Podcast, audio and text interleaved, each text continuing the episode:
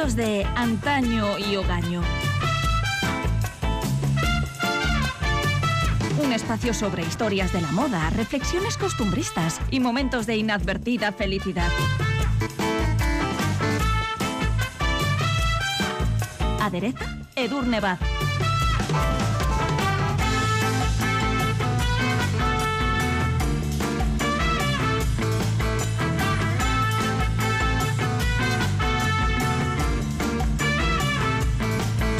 Hoy se celebra el Día de la Madre y desde aquí felicitamos a todas las madres y de forma pues muy especial, faltaría más a las nuestras, pero no todo el mundo celebra esta jornada con idéntico entusiasmo. Edurne Vaz, ¿qué tal? Hola. Hola, muy bien. ¿Y por qué decimos esto? Porque hoy el título que llevan estos asuntos de antaño y hogaño es eh, muy revelador. Hijas reviradas. Hijas reviradas, sí. Vamos a aprovechar la fecha para hablar de la conflictiva y por momentos incluso rocambolesca relación que las legendarias estrellas del cine clásico, Marlene Dietrich, Joan Crawford y Bette Davis, mantuvieron con sus hijas, porque todas ellas escribieron durísimos libros sobre sus madres que parecían crueles y despechados ajustes de cuentas o que quizá eran solo un necesario, aunque de muy mal gusto, desahogo.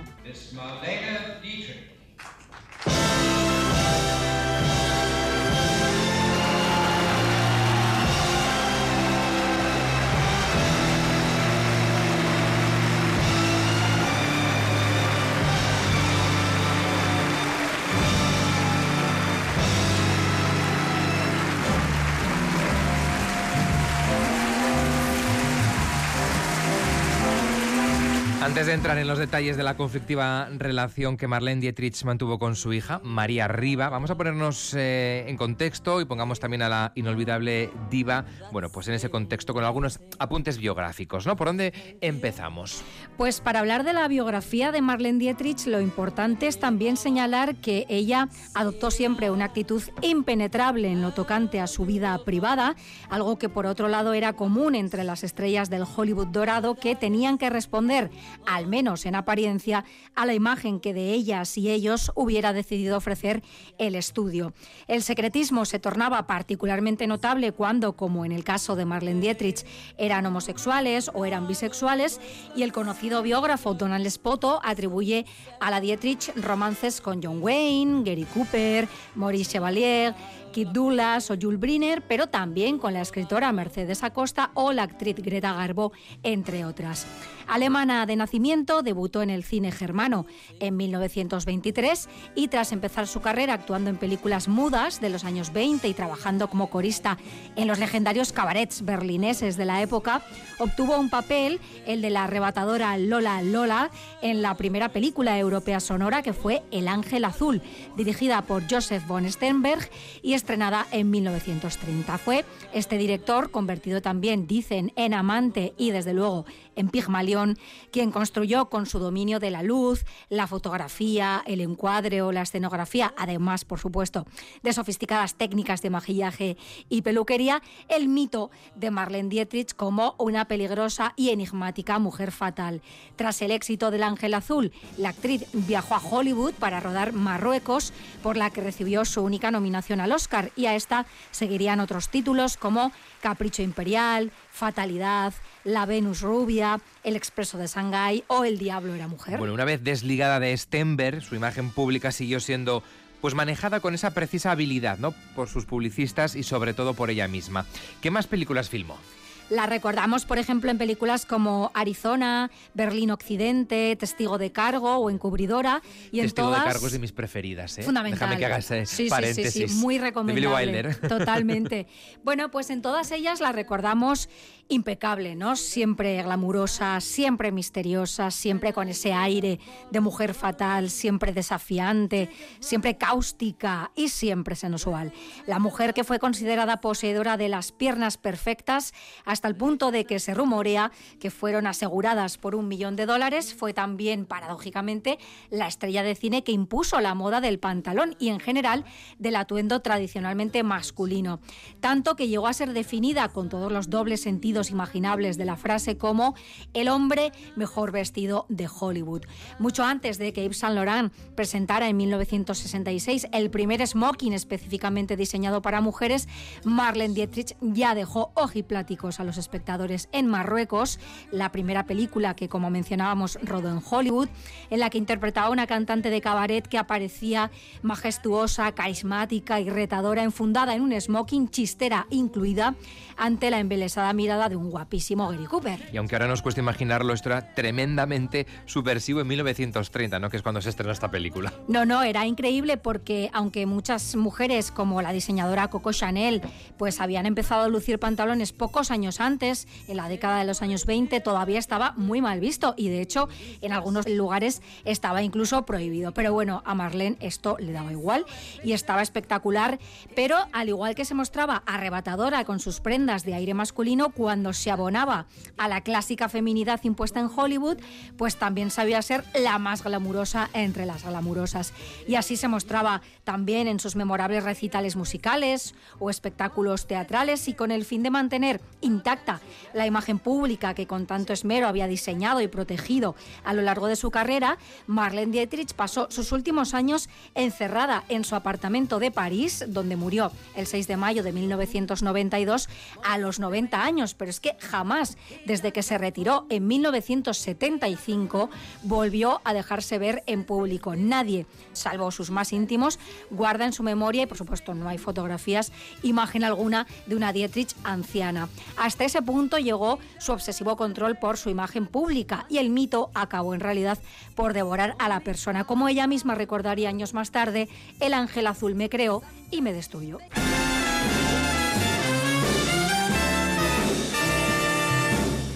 Cause I shouldn't.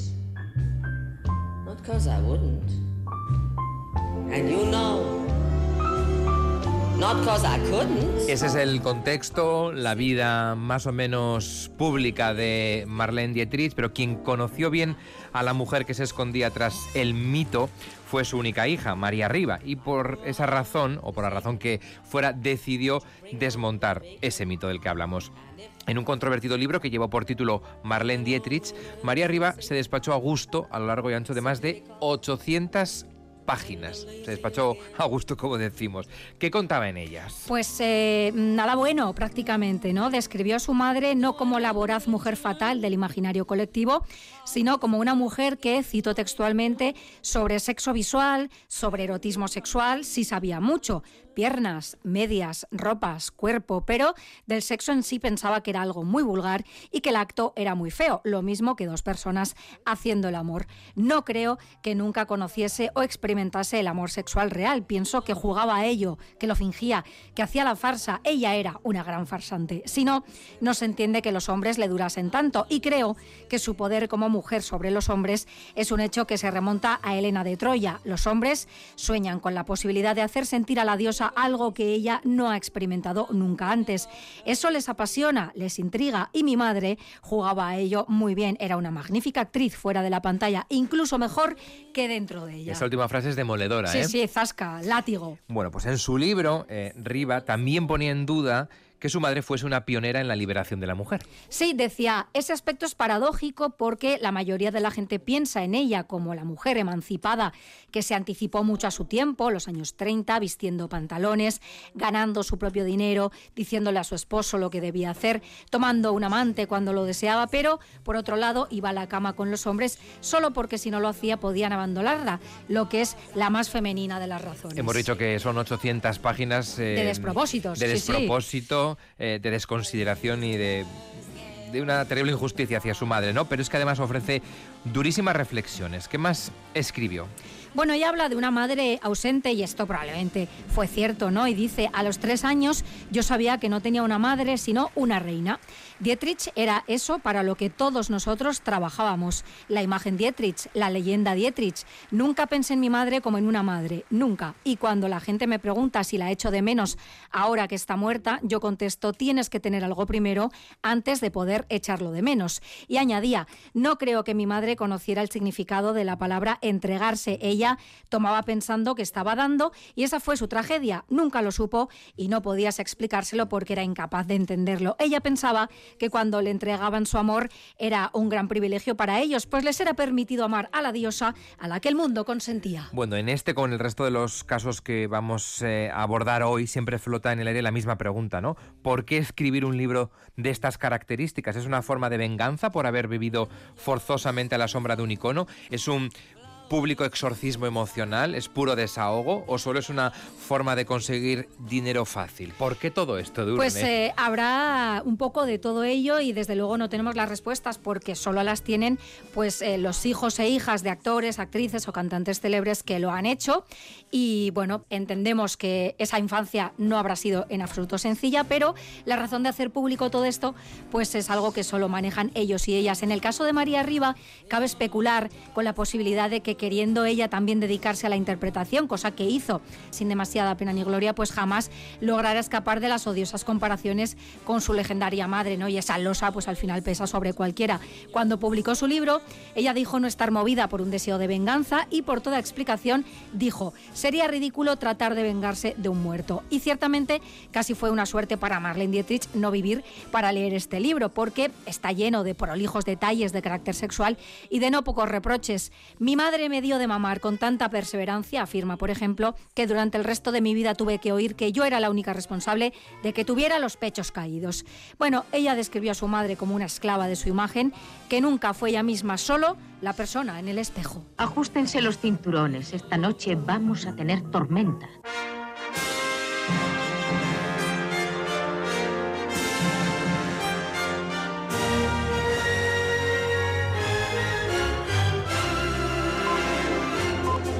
Hoy en Asuntos de Antaño y Ogaño, hijas reviradas. No corrió mejor suerte en lo tocante a la relación con su hija, otra gran diva de Hollywood, Bette Davis, ganadora de dos premios Oscar y diez veces nominada, además de ser la primera mujer que presidió la Academia de Artes y Ciencias Cinematográficas. No nos vamos a detener hoy demasiado en detalles sobre su biografía porque ya en su día le dedicamos un episodio íntegro aquí en Vivir para contarlas, que lo podéis encontrar tanto en nuestra web como en ITV Podcast. Pero a modo de resumen. Sí, bueno, vamos a recordar únicamente que esta aclamada actriz de teatro, cine y televisión fue célebre también por su vehemencia y por su combativo carácter.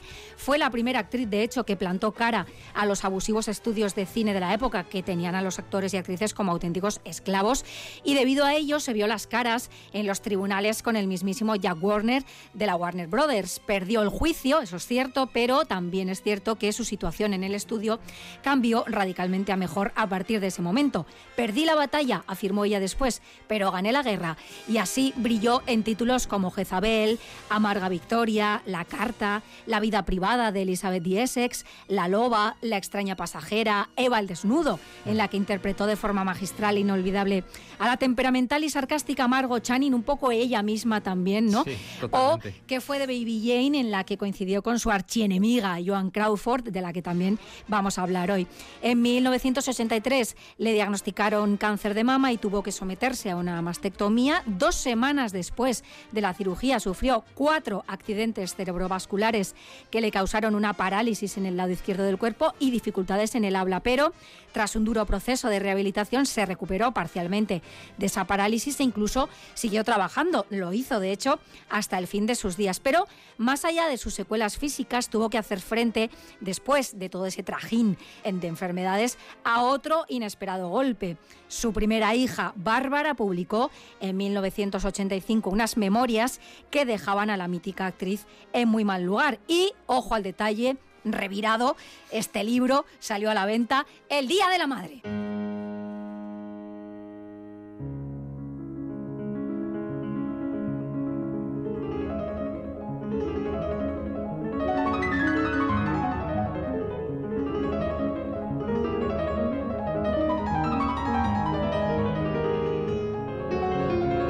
Cuando se publicó el polémico libro que Bárbara dedicó a su madre, titulado El guardián de mi madre, muchos salieron en defensa de la actriz, incluso su ya ex marido Gary Merrill, que afirmaba que a Bárbara le movían únicamente la crueldad y la codicia. Pero ¿qué dijo la propia Bette Davis cuando el 1 de mayo, bueno, el 1 de mayo, el, el- el día que cayese ese año, El Día de la el Madre, en todo Madre, caso, sí. vio ese libro?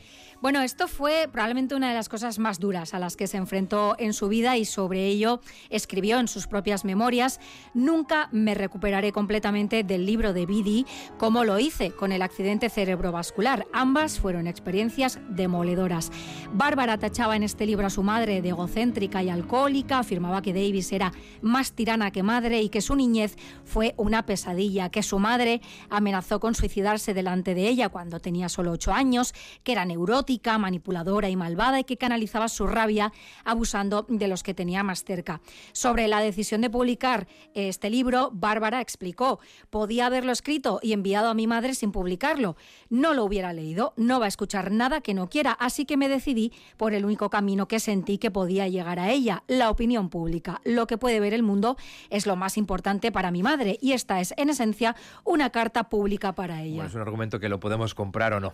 Claro, seguramente sus razones eh, sean ciertas, su infancia pudo ser un infierno, pero siempre nos preguntaremos, ¿no? ¿Qué necesidad de escribir este libro, ¿no? La última aparición en público de Bette Davis se produjo, como muchos recordaréis, en el Festival de Cine de San Sebastián en el año 1989, cuando le fue concedido el premio Donostia. Esas imágenes las tenemos grabadas en nuestra memoria, era ya pues el espíritu de la golosina y de hecho murió días después en mitad de su camino de vuelta a Estados Unidos, dejando, bueno, un recuerdo imborrable en San Sebastián. Es cierto que la iracunda Bette Davis se labró una reputación de actriz indómita, intratable e incómoda, pero una vez más cabe preguntarse, como decíamos, si era necesario un libro así, ¿no? Obviamente Davis creyó que no y por eso desheredó a su hija mayor y de rebote también a sus nietos, porque así se las gastaba ella.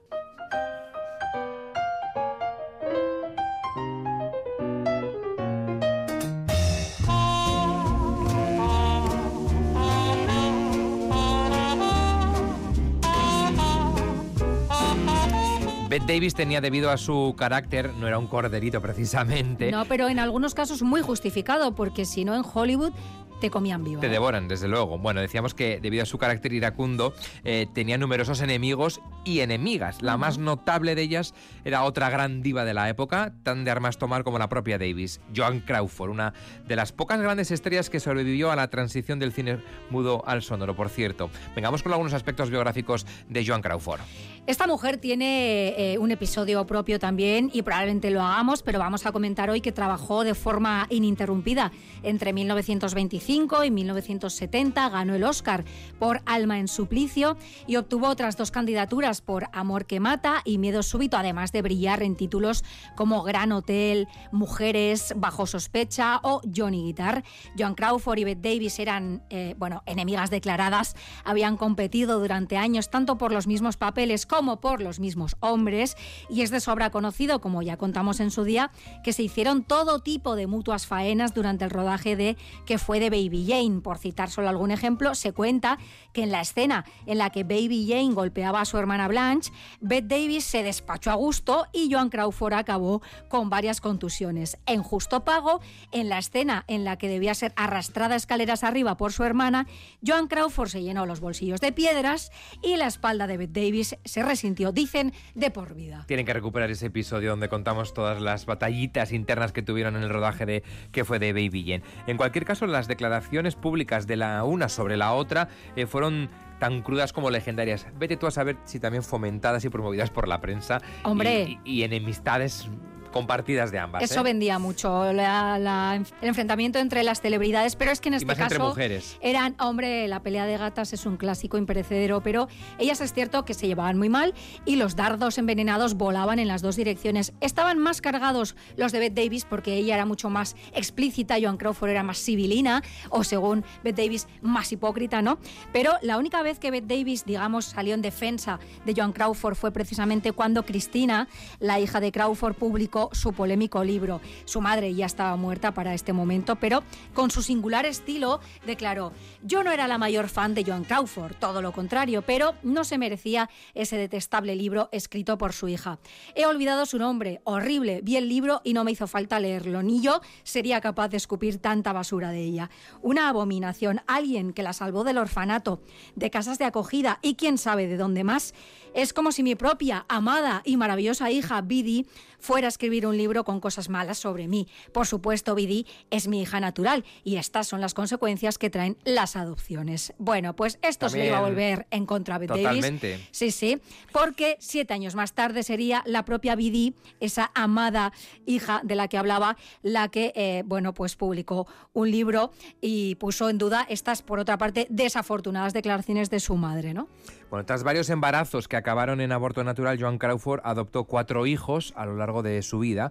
Bueno, en realidad fueron cinco porque uno de ellos fue reclamado en su momento por su propia madre biológica. Sí, los eh, niños que se criaron con ella fueron Cristina, Christopher y las gemelas Cindy y Cathy, que bueno, aparecían todos pues en prensa sonrientes, retratados junto a su madre en la gran mansión familiar, así vestidos iguales, pues todo como muy estético, ¿no? Pero según el relato de Cristina, cuando los flashes se apagaban, el cuento de hadas se convertía en pesadilla. En el libro que publicó en 1978, titulado con mucha retranca Queridísima Mamá, desgranaba durísimos al tiempo que morbosos y por momentos hasta rocambolescos pasajes de su infancia. Denunciaba los malos tratos y las humillaciones que decía haber recibido por parte de su madre, la describe como una persona irracional, cruel y colérica, hasta el punto de dedicarle lindezas como asquerosa, monstruo, borracha o perra insensible. O sea, pues estaban muy reviradas, como Y cuenta, por ejemplo, que su progenitora tenía conexiones con el AMPA desde su adolescencia y que fue esto lo que facilitó que ella pudiera ser adoptada en el estado de Nevada porque en California existían leyes que no permitían a las mujeres solteras, como era el caso de Joan Crawford, pues adoptar niños. Cuenta también que Crawford organizaba fastuosas fiestas de cumpleaños para ella, a las que invitaba a la florinata de Hollywood y por supuesto a la prensa, pero que luego solo le permitía quedarse con uno de todos los regalos recibidos.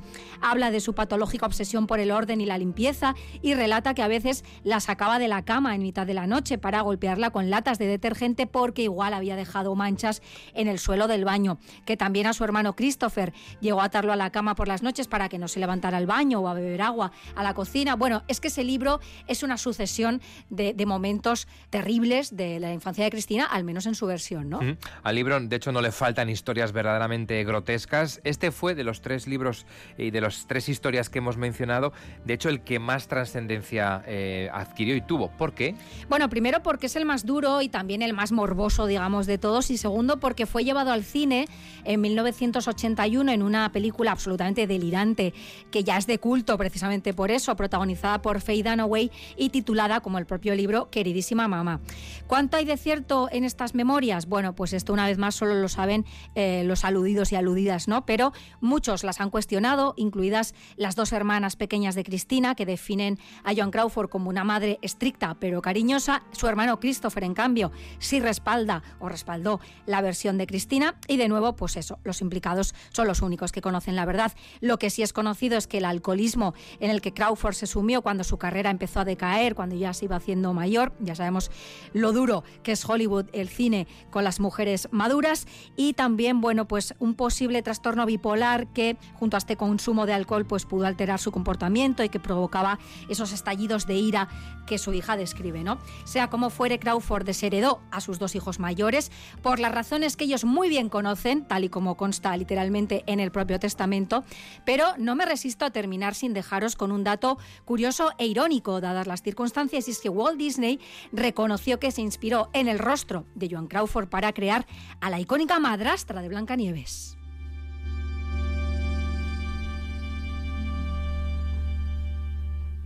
Hoy en Asuntos de Antaño y Ogaño hemos dedicado en este Día de la Madre a hablar de esas hijas reviradas, algunas con razones, otras con otras, pero en cualquier caso, bueno, pues dejaron escrito, ¿no? Esa relación tóxica eh, que mantuvieron con sus madres, ¿no? En este caso de Beth Davis, eh, de Joan Crawford y de Marlene Dietrich. Claro, es difícil juzgar estas cosas, ¿no? Uno puede pensar qué necesidad de escribir estos libros, quizá es material pues para el diván, ¿no? Para, para la terapia. Pero si hay personas que encuentran salida a sus traumas infantiles a través de la escritura, pues quiénes somos nosotros para juzgarlo. Nunca sabremos la verdad, mm. eso es cierto. Así que bueno, muchas veces quedan en morbosos libros más que en otra cosa, ¿no? Pero ahí queda hoy esta relación poco grata, digamos, entre algunas madres e hijas y, por supuesto, las hubo entre padres e hijos. Hollywood ha dado tanto de sí, para bien y para mal, que podríamos tener secciones y secciones sobre el asunto. Esto no me haces que ricasco. Eso regatic, agur.